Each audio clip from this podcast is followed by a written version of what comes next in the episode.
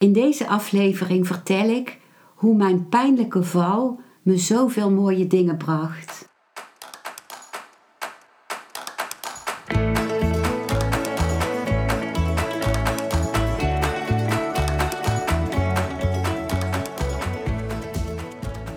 Welkom bij een nieuwe aflevering van Modita's podcast Van Pijn naar Zijn. De podcast waarin ik je meeneem voorbij de pijn in je leven naar wie je diep van binnen bent. Hoe kun je beter omgaan met je gevoelens? Hoe vind je rust in je hoofd? Wat zit er precies achter je pijn? En vooral, hoe kun je steeds meer jezelf zijn? Adem eens diep in en uit. Ik wens je veel luisterplezier.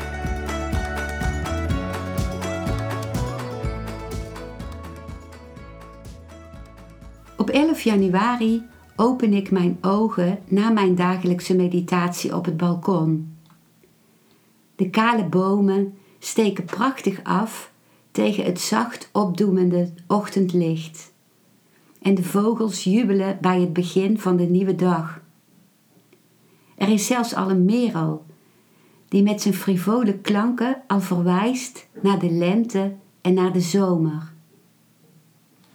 Ik ben dankbaar voor de stilte die in me is en vol vreugde, die als sprankelende champagnebelletjes opborrelt vanuit mijn voeten en door mijn hele lichaam stroomt. Om uiting te geven aan mijn vreugde maak ik voordat ik door mijn open balkondeur mijn appartementje binnenstap, nog een vreugdesprongetje. En dan, in een duizendste van een seconde, ben ik neergeklapt met mijn rechter ribbenkast op de scherpe drempel van mijn balkon. De pijn giert door mijn lichaam, dat daar als een slap vleensje gebogen ligt. Mijn benen buiten op het balkon en mijn romp en hoofd op de houten vloer van mijn appartement.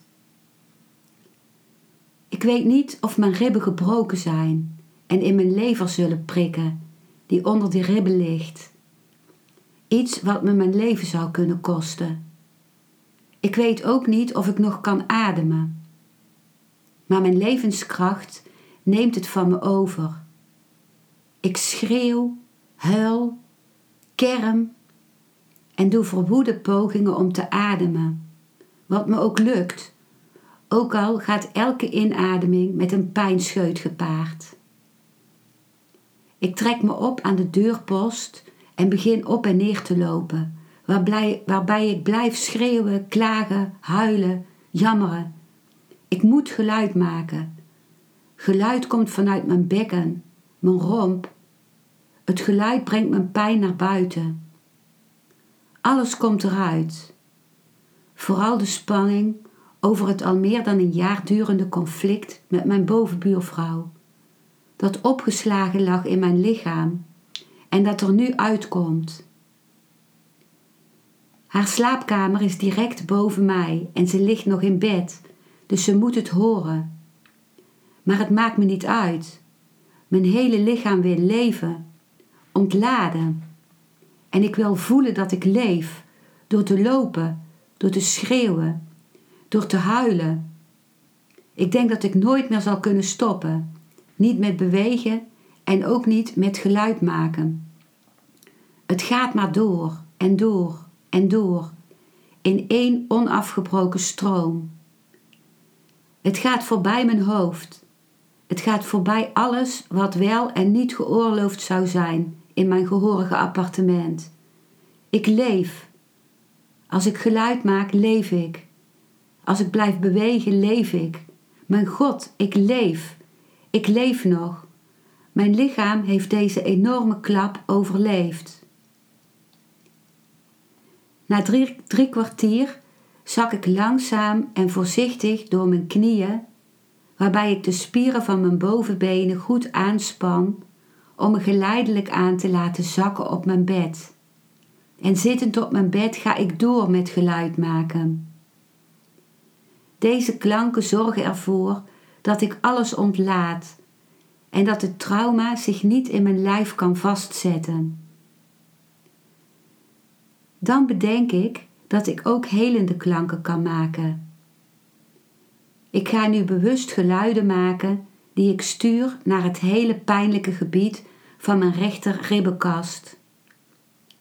De klanken worden nu lager en er komen onverstaanbare woorden bij. Het zijn klanken die ik nog nooit heb gemaakt. Ze lijken op die van een sjamaan.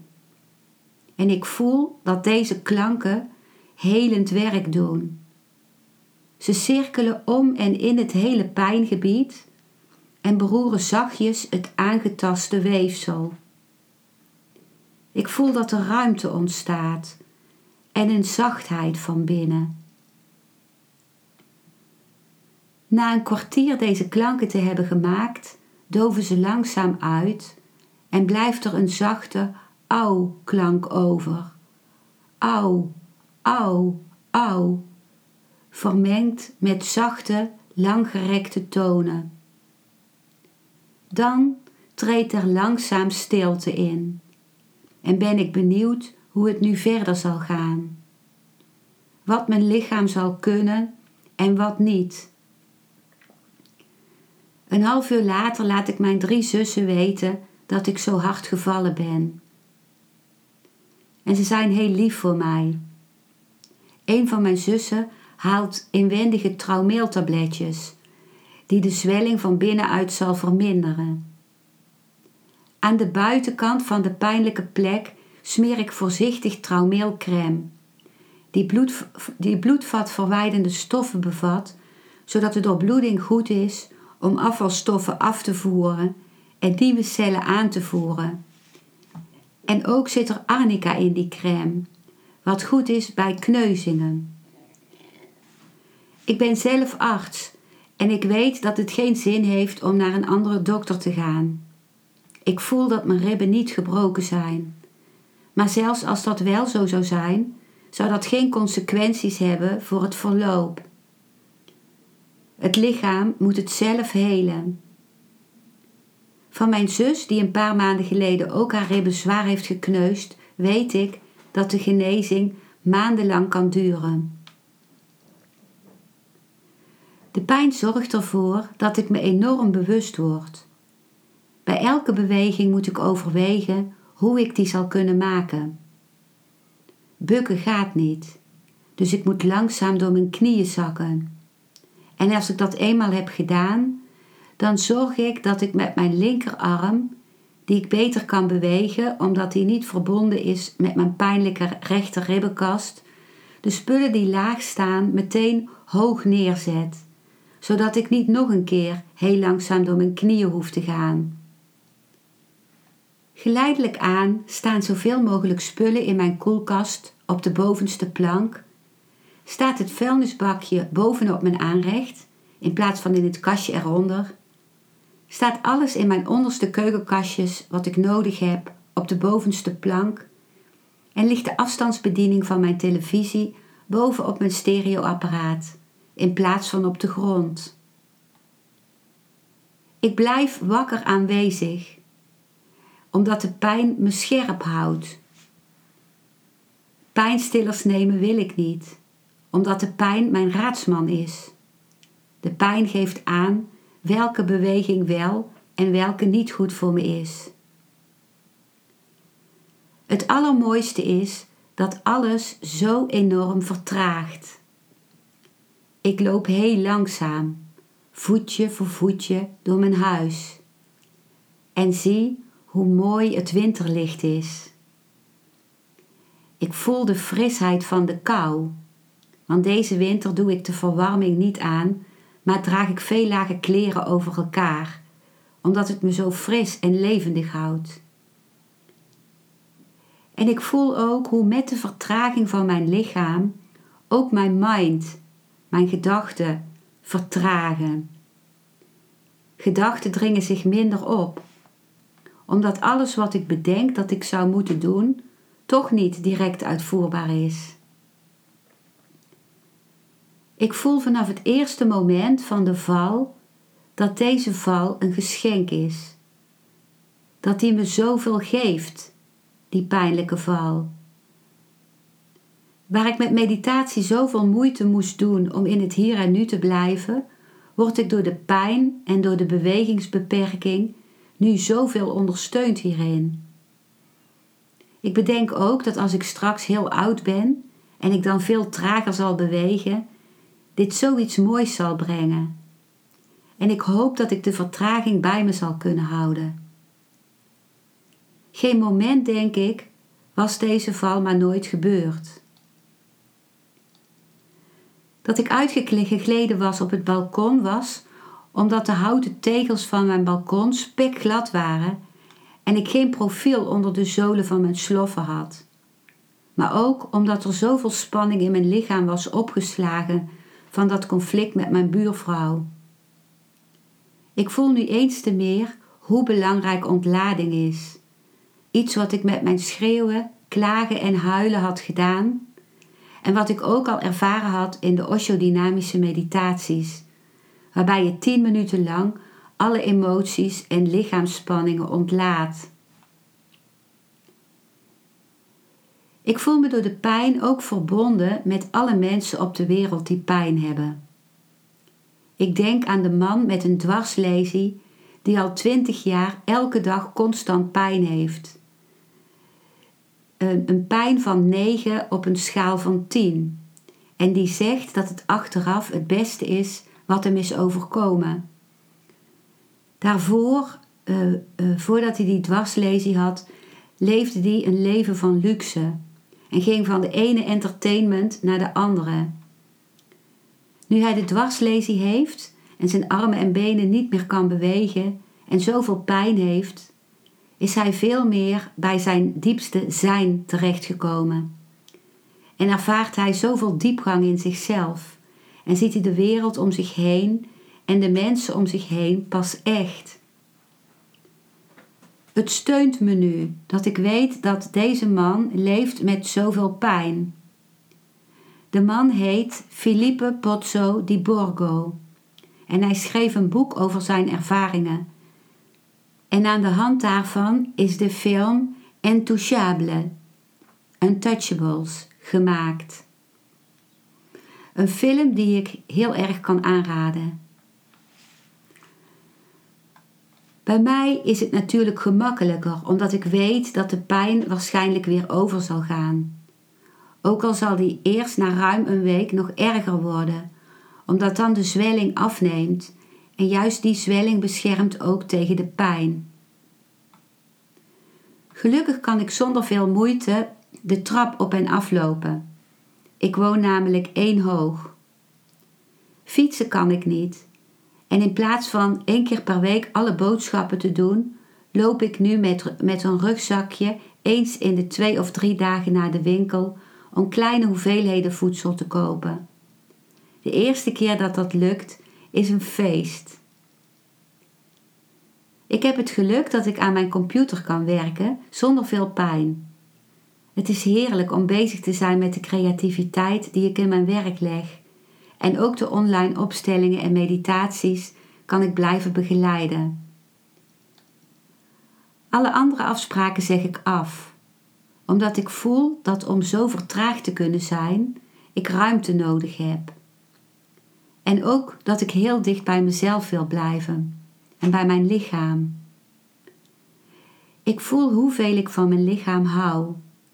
Ik heb zo'n diep respect voor hoe het omgaat met mijn wond en hoe het zo geleidelijk aan en wijs alles in gang zet dat nodig is voor het genezingsproces.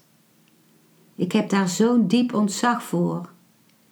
Ik zou niet weten hoe ik zelf zou kunnen bedenken hoe elk bloedvaatje gerepareerd moet worden. Hoe eerst het oude kapotte weefsel afgevoerd moet worden en hoe nieuwe jonge cellen aangemaakt moeten worden en hoe ik juist op een juiste manier met de zwelling zou moeten omgaan. Eerst om het weefsel te beschermen en dan ontzwellen om het weefsel zijn bewegingsvrijheid terug te geven.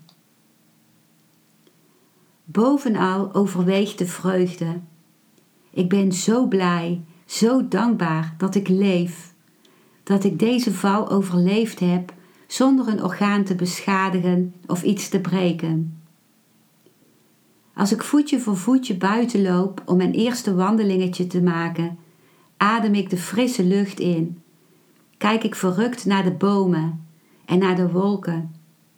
Naar de gebouwen zoals de mooie kerk vlak bij mij, die ik nog steeds mag zien. De mensen om me heen met wie ik nog steeds verbonden ben, die ik kan ontmoeten. De eerste dag durf ik de weg niet over te steken, omdat ik zo langzaam ben. Maar de volgende dag ga ik eerst tot aan de strook tussen de twee weghelften en steek na een hele tijd de andere weghelft over. Zo kan ik bij de grote rode beukenboom komen waar ik zoveel van hou. Met mijn rug tegen de boom vertel ik mijn verhaal en voel de helende kracht van de boom door me heen stromen. En voel hoe de boom mij meeneemt naar de gronding van zijn wortels. Ik voel de liefde van de boom voor mij. Ik heb nog nooit zo genoten van mijn wandelingetjes als nu. Ik voel de beweging van mijn lijf.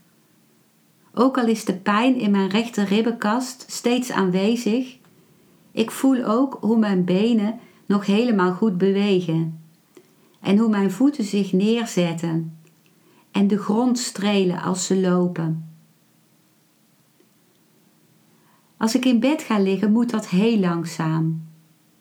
Langzaam ga ik op de rand van het bed zitten, zet één voor één mijn voeten op de houten rand en steun op mijn armen achter me en ga dan centimeter voor centimeter naar de plek waar ik wil gaan liggen.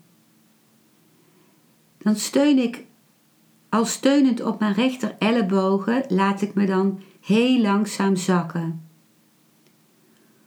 Hoe opgelucht ben ik dat als de pijn van deze uh, beweging van gaan liggen is afgezakt, ik nauwelijks of geen pijn meer voel. En nog opgeluchter ben ik als ik merk dat ik kan slapen. Ik leg een kussen onder mijn knieholtes, zodat mijn rug ontspannender ligt. Maar als ik dan op wil staan, lukt dat niet. Het is heel gek om te ervaren hoe, hoe, hoe, hoe of dat ik mijn lichaam ook wil bewegen om een opstaabeweging te maken, niets effect heeft. Ik kan me geen millimeter verroeren. Als een plank lig ik in bed. En elke millimeter beweging geeft pijn. Maar het mooie van alles sinds mijn val is dat ik voor al deze dagelijkse dingen een oplossing weet te bedenken en dat mijn creativiteit daardoor zoveel toeneemt. Ik denk dat creativiteit rechtstreeks samenhangt met uitdagingen. Ik vind een manier om op te staan. Ik zet mijn ellebogen achter mij, maak mijn rug hol en druk me dan in één beweging langzaam op tot zitstand. Het gaat wel met pijn gepaard, maar die pijn is te dragen. Dan schuif ik centimeter na centimeter naar de rand van mijn bed, zet mijn benen op de grond en span dan mijn bovenbenen aan, zodat ik mijn romp als een kolom kan houden boven mijn krachtige benen als ik me langzaam vanuit mijn benen opdruk. Het volgende vraagstuk is hoe ik de was zal ophangen. Dat is een stuk boven mijn hoofd. En met mijn rechterarm kan dat niet. Maar ik vind een oplossing. Ik vouw de hoek van een handdoek dubbel, zet de wasknijper erop en breng met de arm van mijn gezonde kant de wasknijper aan de handdoek omhoog en klik hem aan de lijn. Ik denk ook veel aan een vrouw die ik ken, die geboren is zonder onderarm en hand aan één kant. Ze heeft haar hele leven alles met één arm gedaan. Hoeveel moeilijker zal dat zijn? En toch, hoe levendig gaat zij hiermee om? Ik denk ook aan alle mensen die geestelijke pijn hebben, die iemand verloren hebben waar ze veel van houden, of die depressief zijn of een eetstoornis hebben. En wat ik heb is in feite zoiets eenvoudigs. Pijn die hoogstwaarschijnlijk weer overgaat en waarbij ik me mag verwonderen over het herstel. Na acht dagen verergert de pijn plotseling heel erg. Ik heb een pakje bij de deur op de verkeerde manier aangepakt en mijn hele rug krampt samen. Maar ik denk ook dat de pijn is toegenomen omdat mijn lichaam het proces van ontzwellen heeft ingezet, waardoor de bescherming van de zwelling wegvalt en ik nu de pure pijn voel. Dus de vertraging in mijn acties wordt groter en ik moet nog, nu nog voorzichtiger zijn. Het is ook een uitdaging om hulp van anderen te accepteren. En ik merk hoeveel het me helpt om me met mensen te verbinden als ik hun hulp aanneem. Zelfs waar ik het als een uitdaging blijf zien om zelf te doen wat ik zelf kan. Ik voel dat pijn zoveel toevoegt aan mijn leven. Dat pijn laat zien dat dingen niet vanzelfsprekend zijn. Dat pijn me bewust maakt van wat het lichaam allemaal doet als het vanzelf lijkt te functioneren. En dat pijn zoveel bijdraagt aan bewustwording, wakker zijn, creativiteit en het me verbonden voelen met anderen en met het lot van anderen. Pijn heeft mij zoveel dankbaarheid gegeven. En dankbaarheid maakt pijn een kostbare kwaliteit. Hiermee zeg ik niet dat het me niet vreselijk moeilijk lijkt als je altijd pijn hebt zoals bij reuma, fantoompijn of de pijn van het voortdurende gemis van een geliefde. En toch denk ik dat er heel vaak een geschenk onder de pijn verborgen ligt. Mijn ervaring met mijn val is precies waar mijn podcast over gaat: van pijn naar zijn.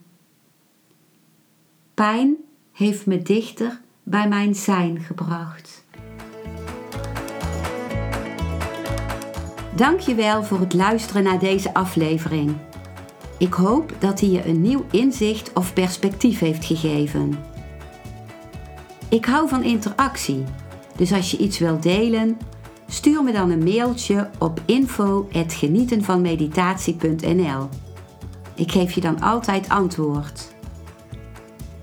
Ik wens jou dat je vreugde in het dagelijks leven zult ervaren en innerlijke rust en dat je steeds meer je pijn zult kunnen omvormen in zijn.